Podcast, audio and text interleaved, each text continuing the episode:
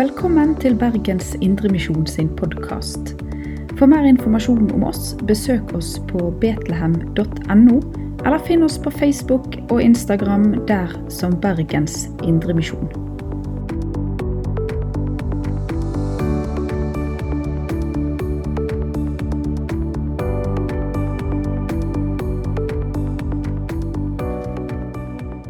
Israels Guds redskap. I min eh, oppvekst og der hvor jeg gikk i min ungdom, der var spørsmålet om Israel stadig vekk fremme i forkynnelsen.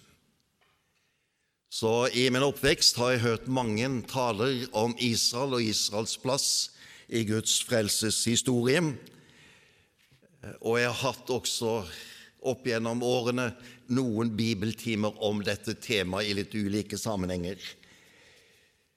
Men etter hvert så virker det som om det er mer de spesialinteresserte som er opptatt av denne tematikken, mens den egentlig skal være en del av hele den kristne menighets tanke om det som hører fremtiden til, fordi at det inngår i den plan som Gud har for sin frelse og frelseshistorie.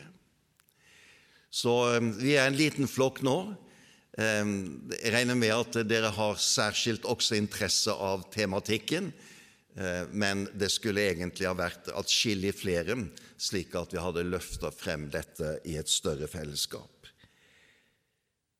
Herre, hjelp oss til å stige inn i denne tematikken, slik at vi blir opplyst ved ditt ord, og at vi kan være våkne for det som du gjør, og den fremtid du vil skape. Hjelp oss til å trenge inn i ditt ord på dette området, slik at vi lærer å tenke dine tanker så langt som du har åpenbart de for oss, Herre.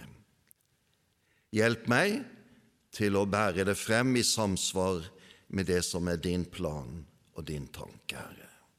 Amen.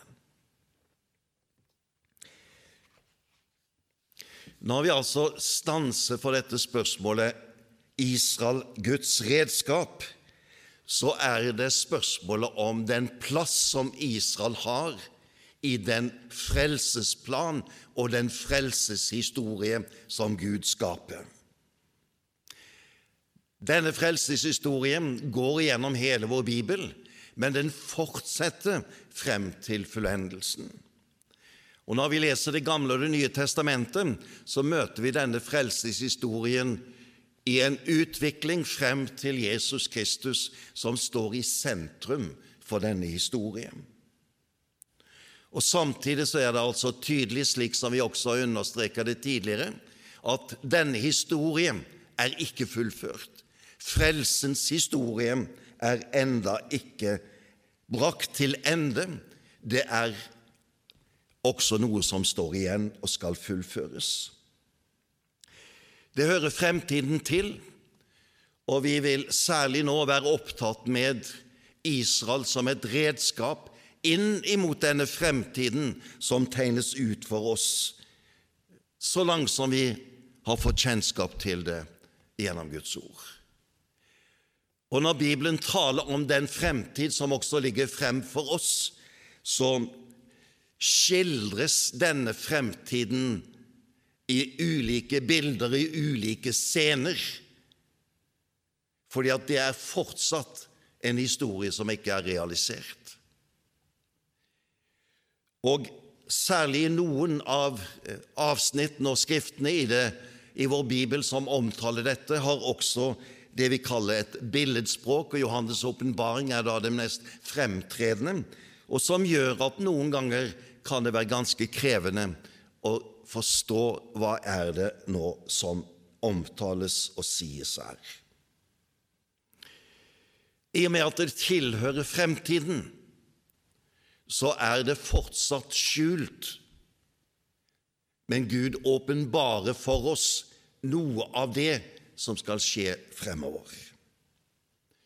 Og inn i denne historien som vi da har omtalt tidligere i forbindelse med Antikrist, i forbindelse med menighetens situasjon i endetiden, så står også da Israel frem i dette endetidsperspektivet. Og det er dette vi skal i all hovedsak konsentreres om. Men vi starter der hvor Det nye testamentet bringer oss frem. Og vi starter med Jesus sin tale på tempelplassen til fariseerne og de skriftlærde og til de religiøse lederne. Det er en tale som han holder i denne avslutningsuka si, og det som skjer etterpå denne talen, det er at vi får denne såkalte endetidstalen av Jesus. Men i slutten av denne talen til fariseerne og de skriftlærde, slik som det omtales i Matteus 23, får vi en, en beskrivelse av en situasjon for Israel, for Jerusalem og for tempelet som måtte skape en dyp krise hos de som hørte det. Vi leser noen av de versene der det er slutten på denne talen. Jerusalem, Jerusalem, du som slår profeten i hæl og steiner dem som er sendt til deg. Hvor ofte vil jeg ikke samle barna dine som en høne samler kyllingen under vingene sine? Men dere vil ikke. Så hør, huset deres blir forlatt og legges øde. For jeg sier dere, fra nå av skal dere ikke se meg før dere sier, velsignet er Han som kommer i Herrens navn. Denne skildringen av hva som vil skje med Jerusalem og tempelet, det er en kriseskildring for israelsfolket. Og Hvis vi kunne leve oss inn i denne situasjonen, så måtte dette være en tale som bryter med alt hva israelsfolket tenkte om sin fremtid. Jerusalem legges øde. Tempelet legges øde. Alle de stedene hvor Gud hadde på en måte gitt sine løfter, og hvor folket levde i samfunn med Gud. Det er på en måte som om historien ifra det babylonske fangenskapet skal gjenta seg enda en gang. Og Dere som kjenner Det gamle testamentet og dens historie om Israel, vet at det som skjedde når Nebukadneser med sin hær inntok Jerusalem og ødela tempelet, det var den verste situasjonen som Israels folk hadde opplevd og hvor de blir bortført til Babylon, og hvor store deler av befolkningen flykter også til Egypt. Det er krise for det folk som Gud hadde utvalgt. Og så gjentar Jesus og beskriver en situasjon som minner om det som skjedde den gang. Det er utfordrende. Men den situasjonen som var da Babylon, da folket ble bortført i Babylon, det er en situasjon som fremkalte en ny erkjennelse i folket, og fremfor alt båren frem av profeten Daniel. Og Du kan lese fra kapittel 9 i Danielsboken om hvordan han bekjenner sin, sitt folks synder og erkjenne at det som har skjedd, det har de fortjent. Og nå ber han om at Gud må vende sin nåde imot de og tilgi deres synder. Men så legger vi merke til de ordene av Jesus, at denne krisebeskrivelsen ender med et lys. For det siste han sier her på tempelplassen, det er For jeg sier dere, fra nå av skal dere ikke se meg før dere sier Velsignet er han som kommer i Herrens navn. En situasjon skal inntre, den skal vare, inntil noe nytt skjer. Og da skal altså Jesus stige frem på en slik måte at de skal hylle han som Guds frelser. Så kan vi spørre er det en gjentagelse av palmesøndagens begivenheter Jesus refererer til. Jeg tror nok at dette går enda videre enn til en slik bestemt begivenhet. Det har med å hylle Jesus som Guds Messias og Guds frelser. Denne situasjonen av katastrofe skal ha en ende, og den enden leder over i denne nye situasjonen hvor de hyller Jesus som Guds Messias. Går vi til Paulus, så er Paulus sin livserfaring forankret i en djup krise i hans eget liv. For Paulus var overbevist om at Jesus var en falsk Messias. Han var overbevist om at den bevegelse som da vokste frem etter at Jesus sto opp, den skulle bekjempes. Og han la inn all sin kraft og sin makt for å gjøre det. Inntil den dagen utenfor Damaskus, da Gud møtte han, da Jesus møtte han. Hvem er du, Herre? Jeg er Jesus, han du forfølger.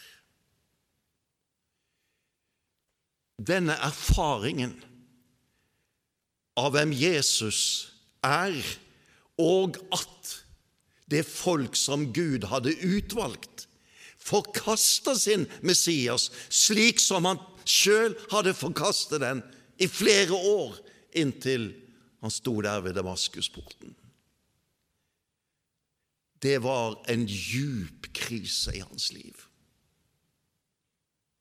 En dyp smerte.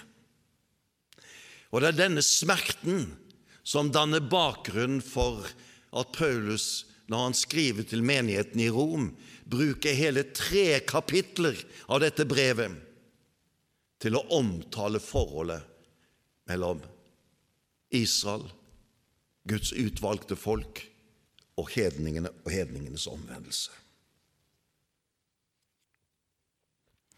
Jesu ord på tempelplassen det ble oppfylt ikke i Jesu liv, ikke mens han levde der, heller ikke når Paulus levde, men i år 70, kanskje en syv-åtte år etter at Paulus døde, så legges Jerusalem i grus. Tempelet ødelegges, og det er stein til stein tilbake. Da skjer altså den oppfyllelsen som Jesus hadde allerede forberedt folket på den dagen på tempelplassen.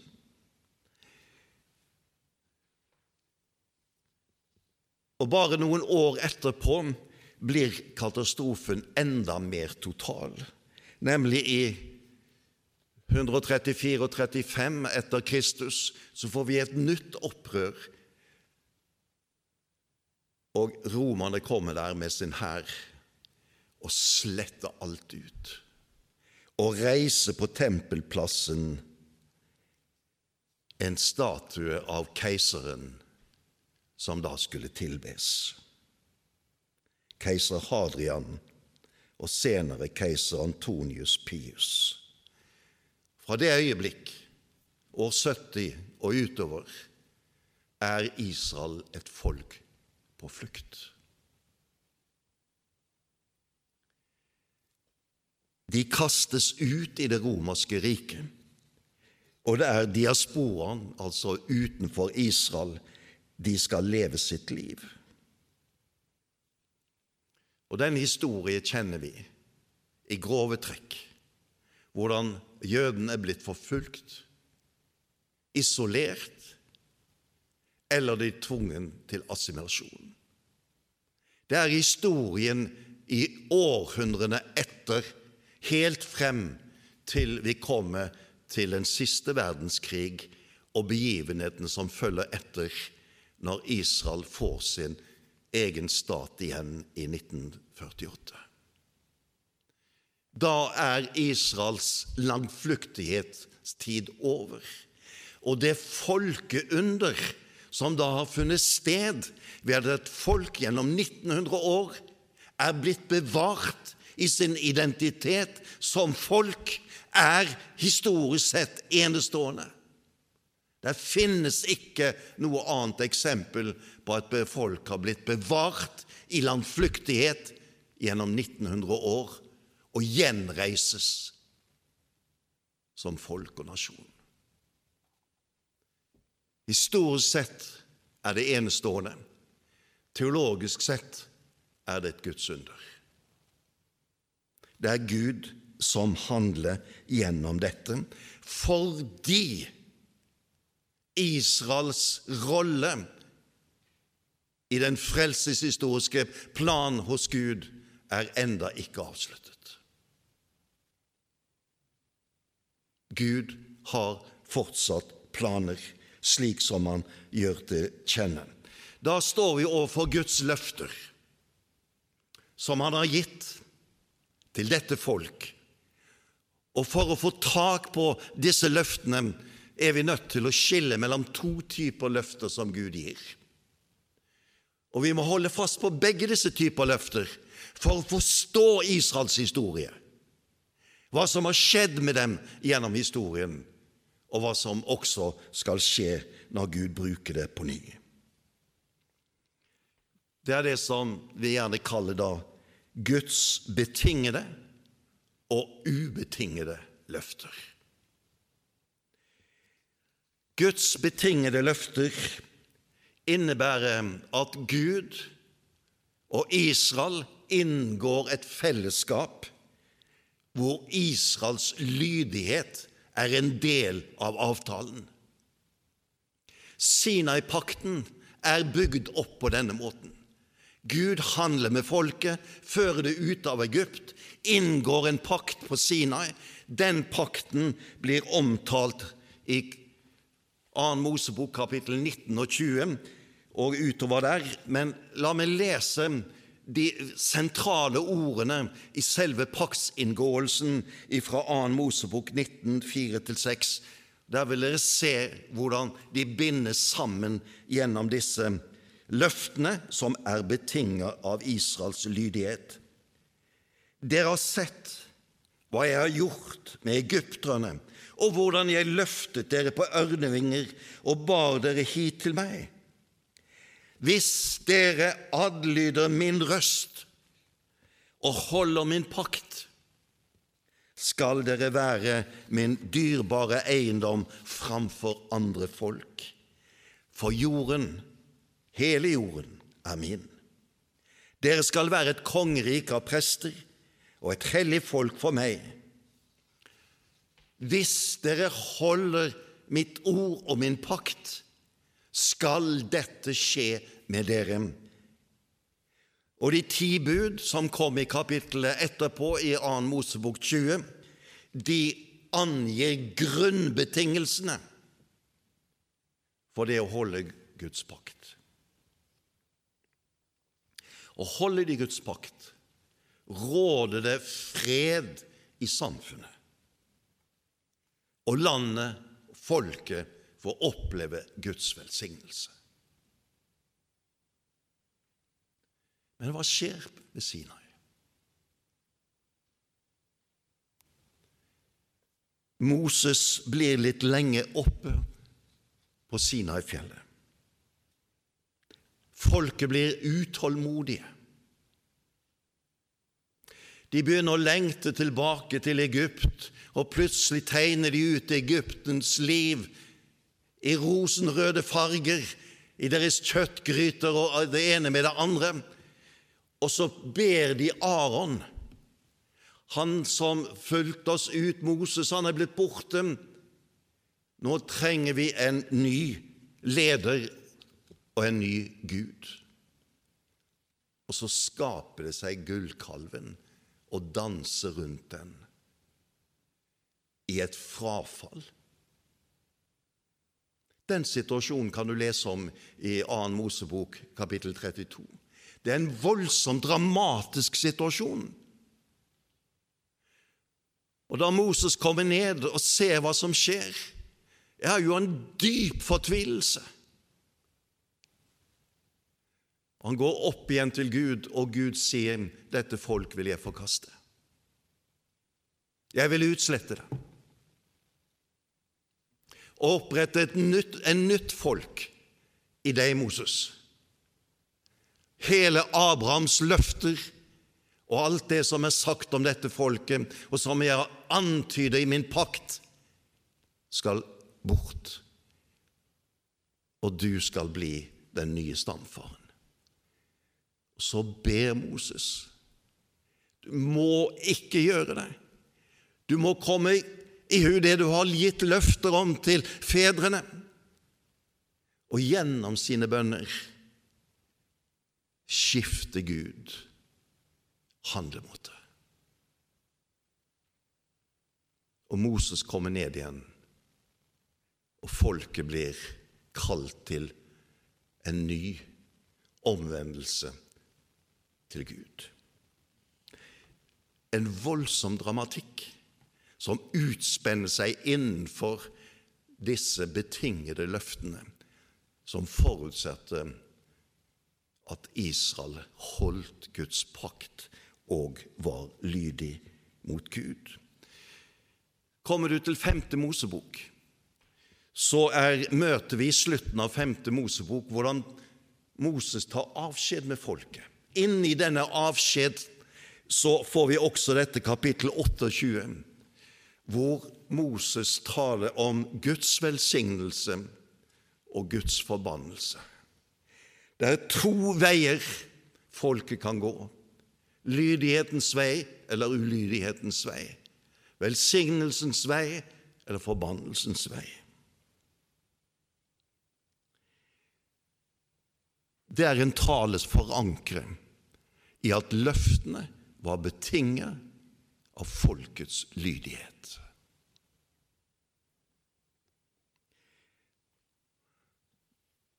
På mange måter kan vi lese Israels historie i lys av denne talen til Moses. For det som han beskriver der, gjentar seg gjennom hele dets historie. Så les den når du kommer hjem, og tenk på Israels historie fra utferden fra Egypt og gjennom historien og frem til vår egen tid. Men disse betingede løftene var ikke de eneste løftene Gud gav. Han gav også det vi kaller de ubetingede løftene. De var ikke avhengig av Israels gjerninger og lydighet. De var kun forankret i Gud selv, i Hans kjærlighet og i Hans vilje til å bruke dette folket.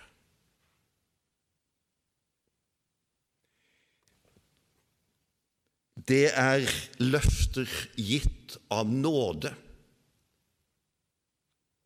og som gir erfaring av Guds ufattelige nåde.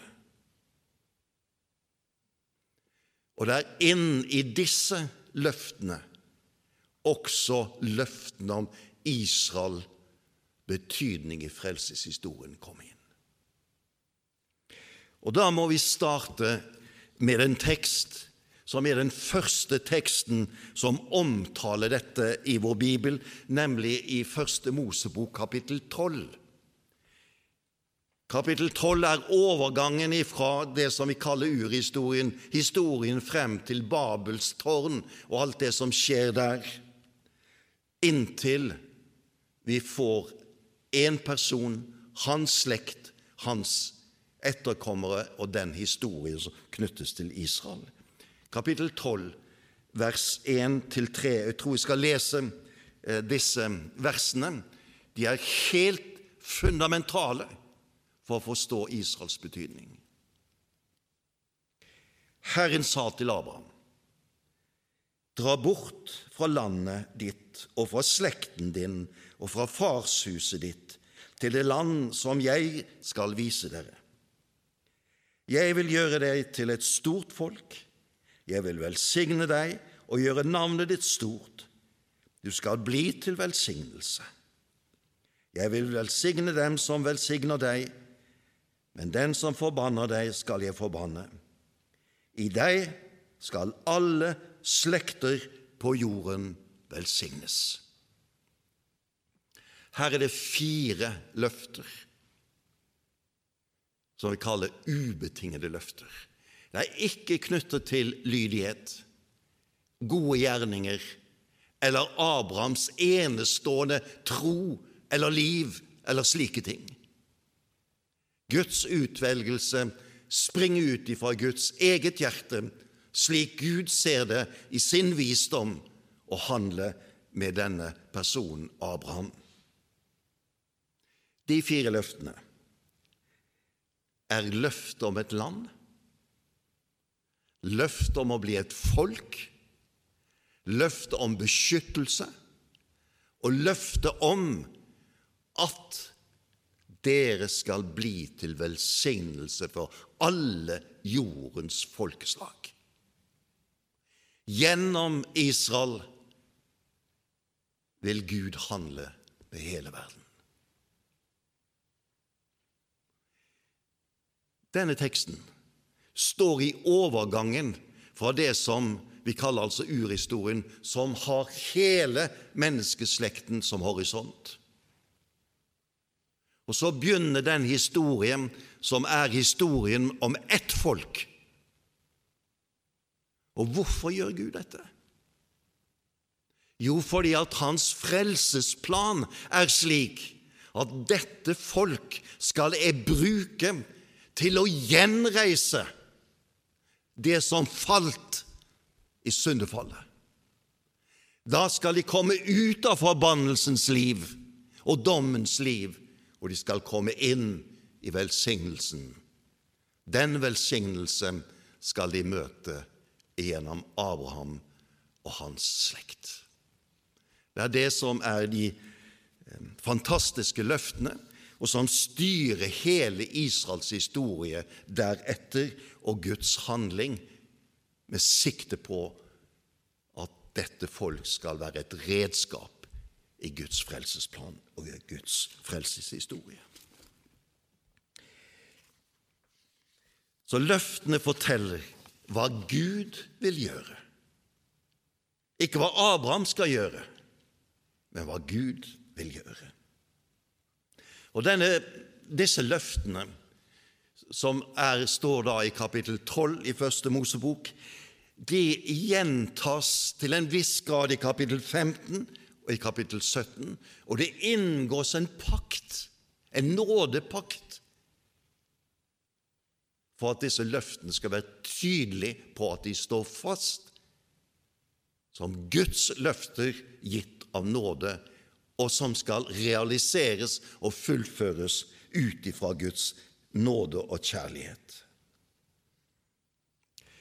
Disse to typer løfter som Gud gir, mellom de er det en spenning.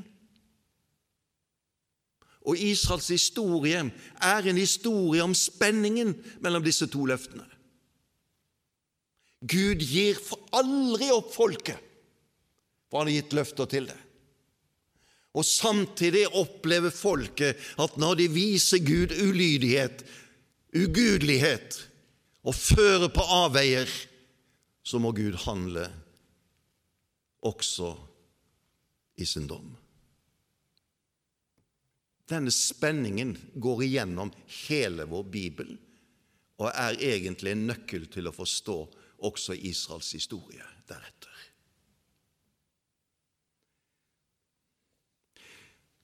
Dette løftet til Abraham om at i deg skal alle jordens slekter velsignes. Hvordan realiseres dette løftet? Hvordan går Gud frem for å gjøre det slik at hele jordens befolkning kan få del i denne Guds velsignelse? For å svare på det bruker altså Paulus tre kapitler i Romerbrevet for å gi svar.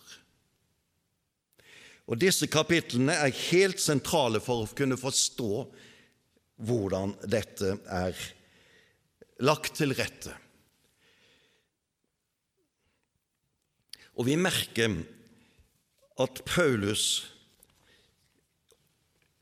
sin dyptgripende smerte og erfaring slår inn i dette kapitlet, eller disse kapitlene. Og han begynner jo derfor også kapittel 9 med denne Han sier det i vers 2 og 3. Jeg bærer stor sorg i hjertet og plages uavbrutt. Ja, jeg skulle gjerne vært forbannet og skilt fra Kristus om det bare kunne være til hjelp for at mine søsken, som er av samme folk som jeg, de er israelitter, de har retten til å være Guds barn. Dyp smerte over det som han hadde erfart i eget liv, og som han erfarte gjentatte ganger i sin misjonsvirksomhet.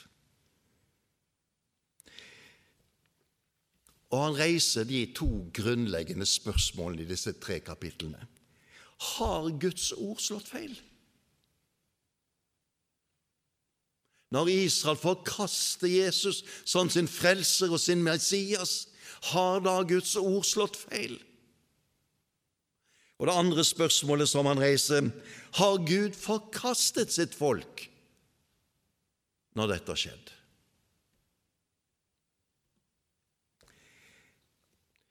Og Disse to spørsmålene vil Paulus svare på i disse tre kapitlene. Og han gjør det langs flere linjer, for det er et ganske krevende spørsmål som krever på en måte en dybdeboring i Guds handlemåte.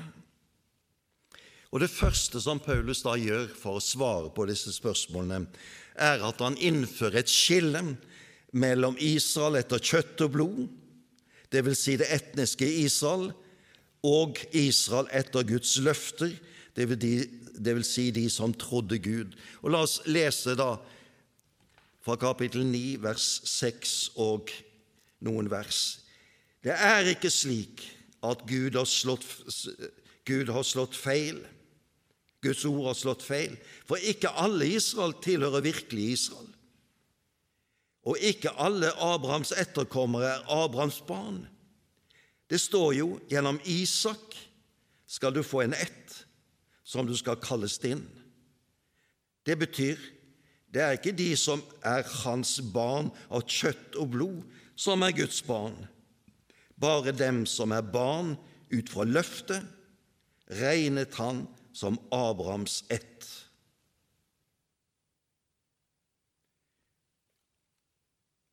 Abraham fikk også andre barn, nemlig Ismael og Esau de hører ikke med i løftets folk.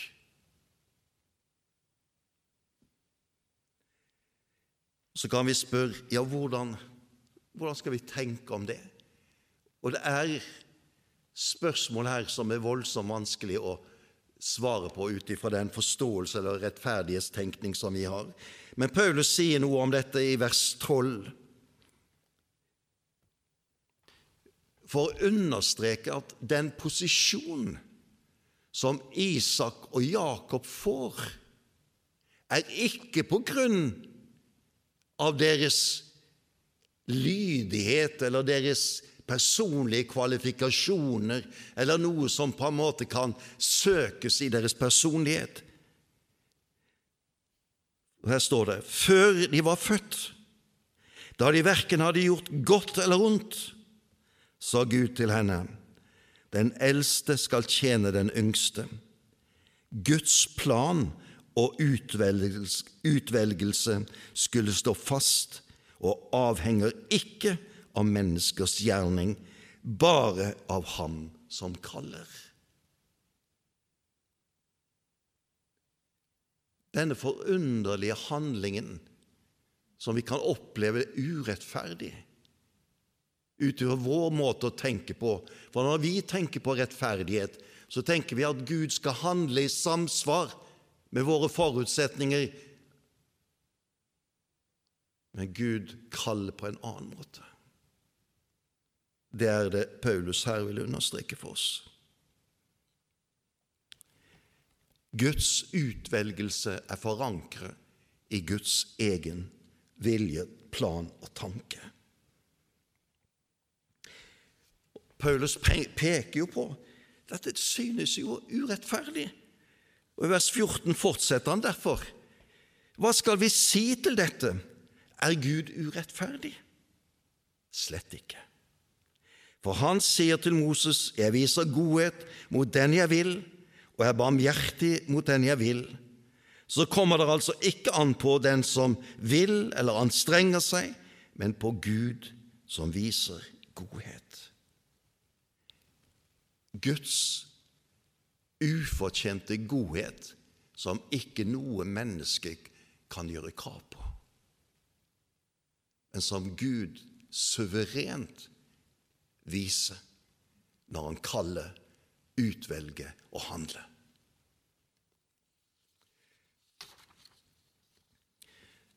Det andre som Paulus peker på, det er at gjennom hele Israels historie har det funnet sted en avskalling det som vi kaller resttanken. Allerede i 722 før Kristus gikk hele Nordriket til grunne. Asyrerne erobra det, flyttet folket vekk til andre deler av det asyriske riket og flyttet inn andre folkegrupper, og hele Nordriket gikk til grunne. Bare Sydriket sto igjen. Så kom krisen med Nebukaneser, Babylon og fangenskapet. Men alltid var det en rest som ble frelst og bevart. Og Paulus omtaler det igjen i kapittel 9, vers 27 til 29. Og Jesajas roper ut over Israel. Om Israels barn var så tallrike som havets sand, skal bare en rest bli frelst. For i hast skal Herren sluttføre sitt regnskap på jorden. Om Jesajas før har sagt, hadde ikke Herren over herskarene latt noen av våre ett leve, da hadde vi blitt som Sodoma, da hadde vi lignet Gomorra. Gud har alltid ut ifra sitt ubetingede løfte handler slik at en rest er blitt bevart.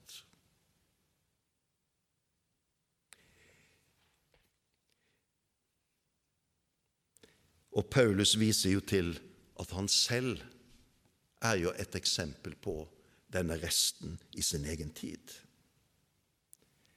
Derfor konkluderer Paulus med at Gud har ikke forkastet seg folk. Han viser dem gjennom at det er alltid en rest som blir frelst, blir bevart, som lever i troen på ham, tar imot Guds nåde, blir bevart i denne nåden.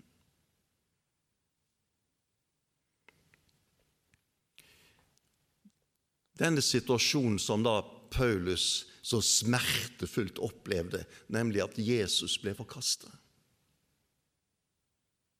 er da en situasjon hvor folket forkaster Guds frelsesgjerning. Og Det er så dyptgripende og smertefullt for Paulus at hjertet hans gråter. Og han kunne altså da, som vi leste, sett seg forbannet bort ifra Kristus om det hadde hjulpet til at de ble bevart hos Gud og trodde på Jesus. Men det skjedde jo aldri.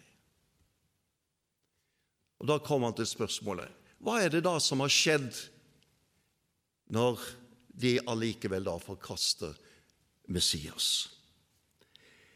Og Da er vi inne på hvordan Gud bruker det onde, nemlig Israels forkastelse av Jesus som frelser, til noe godt.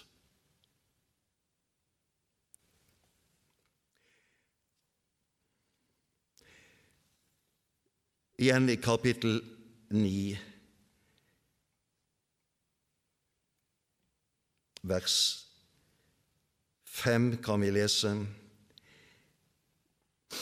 de Paulus da viser til av fedrene, og, de, og fra dem stammer også Kristus, Han som er Gud over alt, velsignet til all evighet.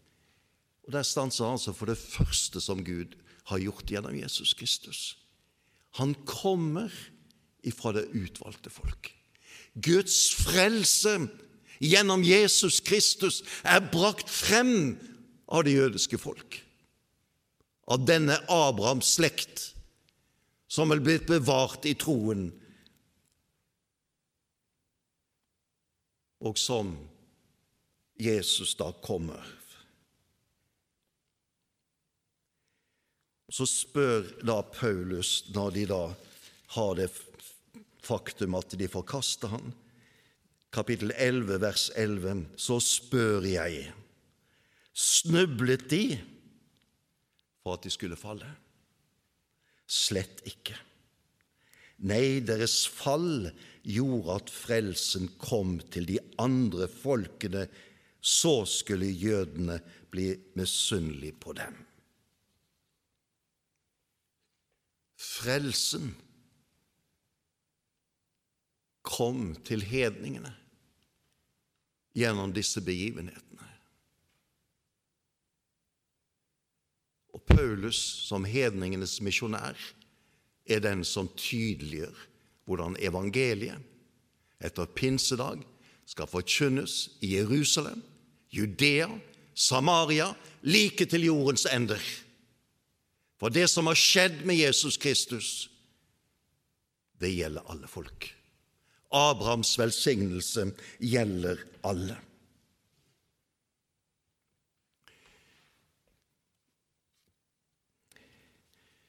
Og da opplever hedningene Og Paulus bruker bildet om, om grenen som hogges av treet, men som da opplever at der potes inn en ny gren i dette treet. Og de som da får del i kraften ifra stammen, får del i den Abrahams velsignelse som hviler over de som Gud har kalt og utvalgt.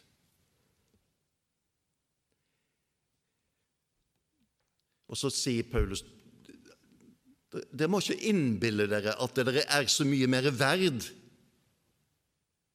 enn jødene, enn Israels folk, om dere har opplevd å få del i Abrahams velsignelse, og de andre er blitt grener som er hugd av kapittel 11, vers 17 og 18 sier han det slik. Noen av grenene er nå brukket av, og du som var en vill oljekvist, er blitt podet inn blant grenene og fått sevje fra roten sammen med dem. Men innbill deg ikke at du er bedre enn grenene. Gjør du det, så husk at det ikke er du som bærer roten, men roten som bærer deg.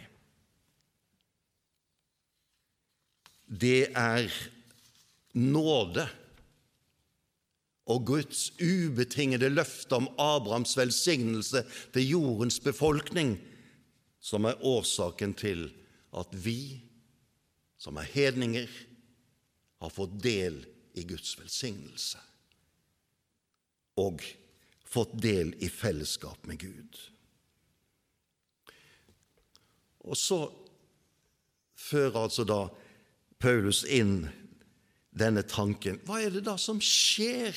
Hvilken reaksjon får hedningenes omvendelse på det jødiske folk? Og Da begynner han å spørre ja, hva med Israel og Israels fremtid i dette bildet? Og Han bruker altså dette uttrykket misunnelse. Vers 11, kapittel 11. Så spør jeg, snublet de for at de skulle falle? Slett ikke.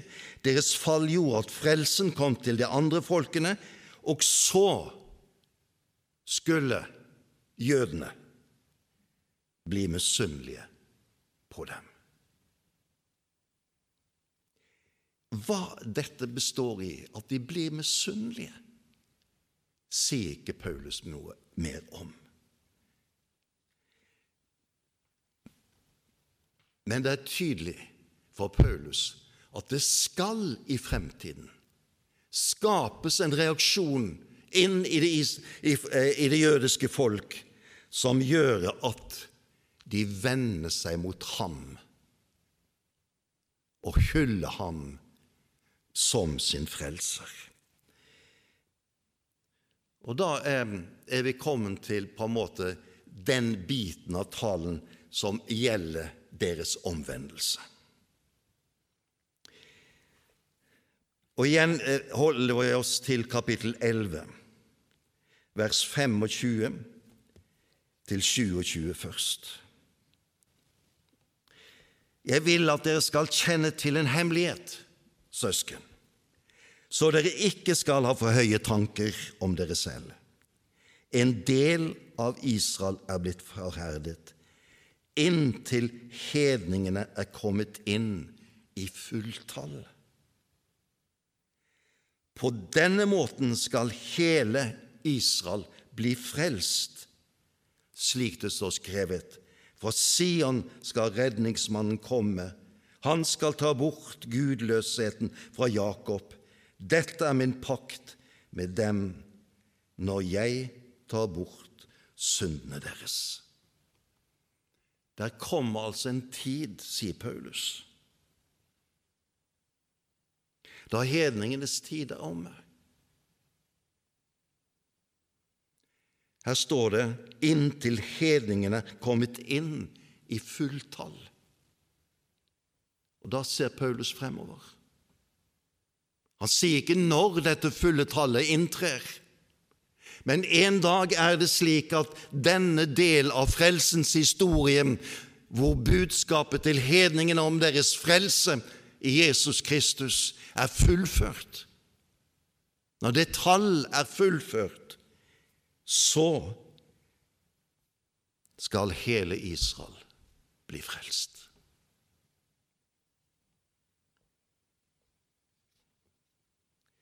Det er altså en profetert en folkevekkelse i Israel. Hele Israel. Ikke bare en rest, men hele Israel skal bli frelst. Perioden med frafall, forherdelse, skal ta en slutt, og frelsens tid skal inntre når hedningenes nådetid er omme. Og så sier Paulus at denne frelse, når Israel vender seg til Gud, det skal også få betydning for hedningene for alle folkeslag. Og Paulus er sparsommelig i sin beskrivelse, men han tydeliggjør at slik skal det skje. Kapittel 11 igjen, vers 12. Når deres fall har ført til rikdom for verden, og deres tap til rikdom for de andre folkene, hvor mye mer skal det ikke da bety at de kommer med i fulltall?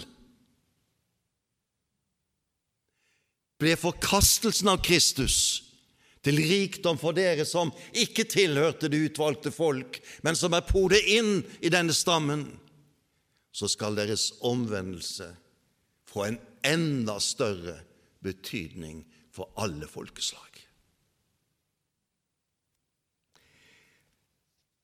Og så kan vi spørre hva, hvilken betydning? Og Paulus er altså sparsommelig med beskrivelsen av denne betydningen. Men han bruker ett uttrykk i kapittel 15, 11, eh, vers 15. Og Igjen griper han fatt i det første, nemlig forkastelsen. Det har fått betydning. Er det blitt til forsoning for verden at de blir forkastes? hva må det ikke da føre til at de blir godtatt? Jo, liv av død. Det er det eneste uttrykket Paulus bruker. Det er et gjenkjennelig uttrykk i Paulus' språkverden, nemlig levendegjørelse som han i andre sammenhenger, i Romerbrevet 6, i første kor 15, omtaler på en slik måte at når vi blir døpt til Kristus, blir vi levendegjort med ham. Ved å bli begravd med han og reist opp med han får vi del i hans liv. Men i oppstandelsen skal vi også få del i hans legemlige oppstandelse første kor 15. Det er liv av døde, for vi var døde på grunn av våre misgjerninger. Men vi har løftet om å bli levendegjort og få del i en oppstandelse som er inntreden i Guds fullkomne rike, som ellers er skildret i Johannes' åpenbaring.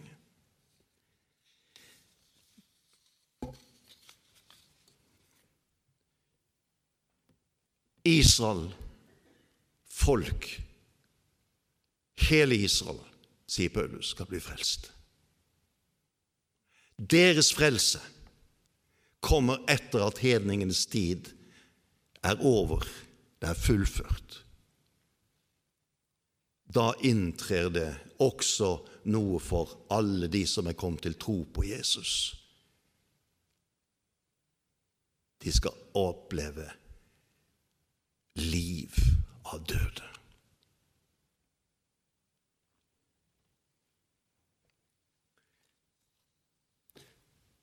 Nå går tida. Men jeg må også si noe om landløftet. Jeg har kort sagt at Jesus talte om Jerusalems ødeleggelse, tempelets ødeleggelse. Det inntrer i år 70 og 134 og 35 etter Kristus. Det er alltid grus. Ikke noe tilbake. Og så går det 1900 år, så gjenreises Israel, det vil si folket Israel, Israel-jødene, har levd gjennom hele denne perioden med sin identitet. Men nå vandrer de hjem igjen til løfteslandet.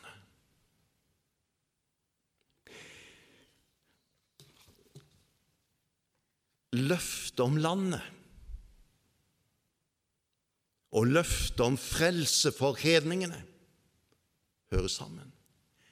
I Første Mosebok kapittel 12, som vi leste, med de fire ubetingede løftene, er landløft, folkeløft, beskyttelse og velsignelse for jordens befolkning holdt sammen. Derfor ser det ut for at når hele Israel skal bli frelst, forutsetter det at dette folk er vendt tilbake til sitt løftesland. Og Gud hadde gitt løfte om dette landet, ubetinget. De skulle ikke bare få bo der når de var lydige, men også i katastrofer og ødeleggelser og alt sammen som gjorde at det nesten så ut som om det skulle bli utslettet. Har Gud en hånd som bevarer folket gjennom historien og fører de hjem igjen? Paulus skriver ikke noe om landløftet. Det er ikke noen steder i hans brever hvor han omtaler dette landløftet.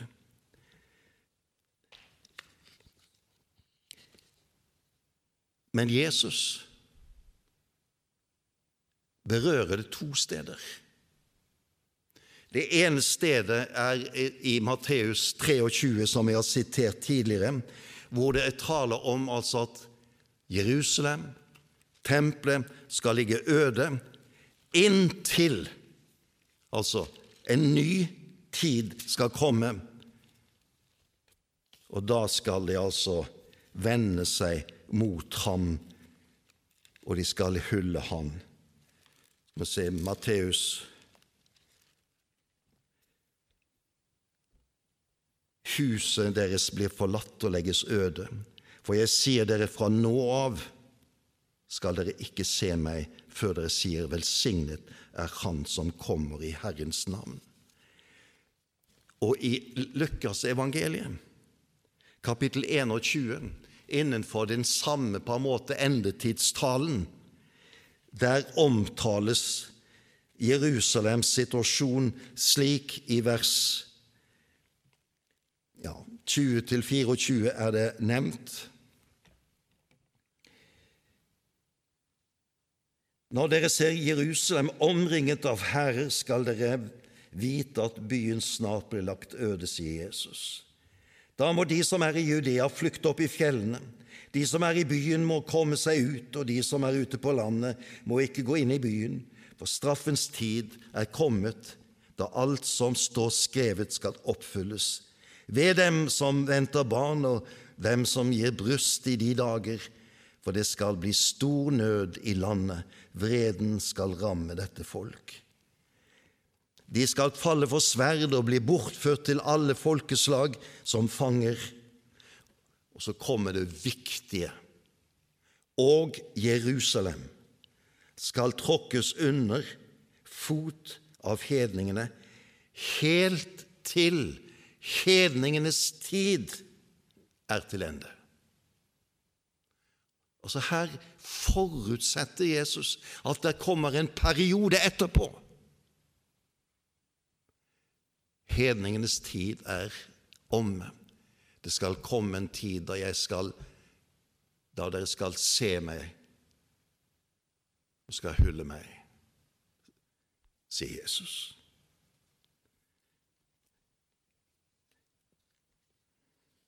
Så kan vi kanskje spørre enda mer om dette landet og Israels frelse. Og Jeg tror vi skal bare vise da til Esekielsboken kapittel 36 til 39, som omtaler Israels bortførelse, gjenreisning og samfunn med Gud. Og inn i skildringen av denne gjenreisningen er også skildringen av Israels frelse.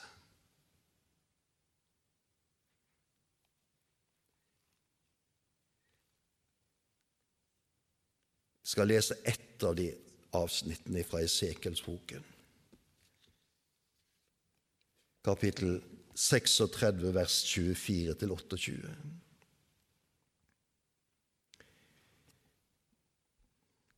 Jeg henter dere fra folkeslagene samler dere fra alle land og fører dere hjem til deres eget land. Jeg stenker vann på dere så dere blir rene. Jeg renser dere fra all urenhet og fra alle avgudene. Jeg gir dere et nytt hjerte, og en ny ånd gir jeg inn i dere. Jeg tar stenhjertene ut av kroppen deres og gir dere et kjøtthjerte i stedet.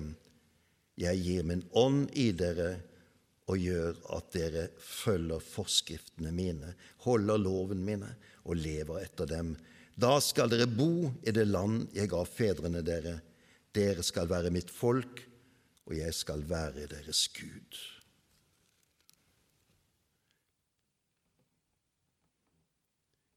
Israels og israelsfolkets frelse. Skildringene er slik at denne frelsen beskrives på en slik måte at den griper like inn i den fullendelse som kommer til slutt. Men Israels frelse står fast.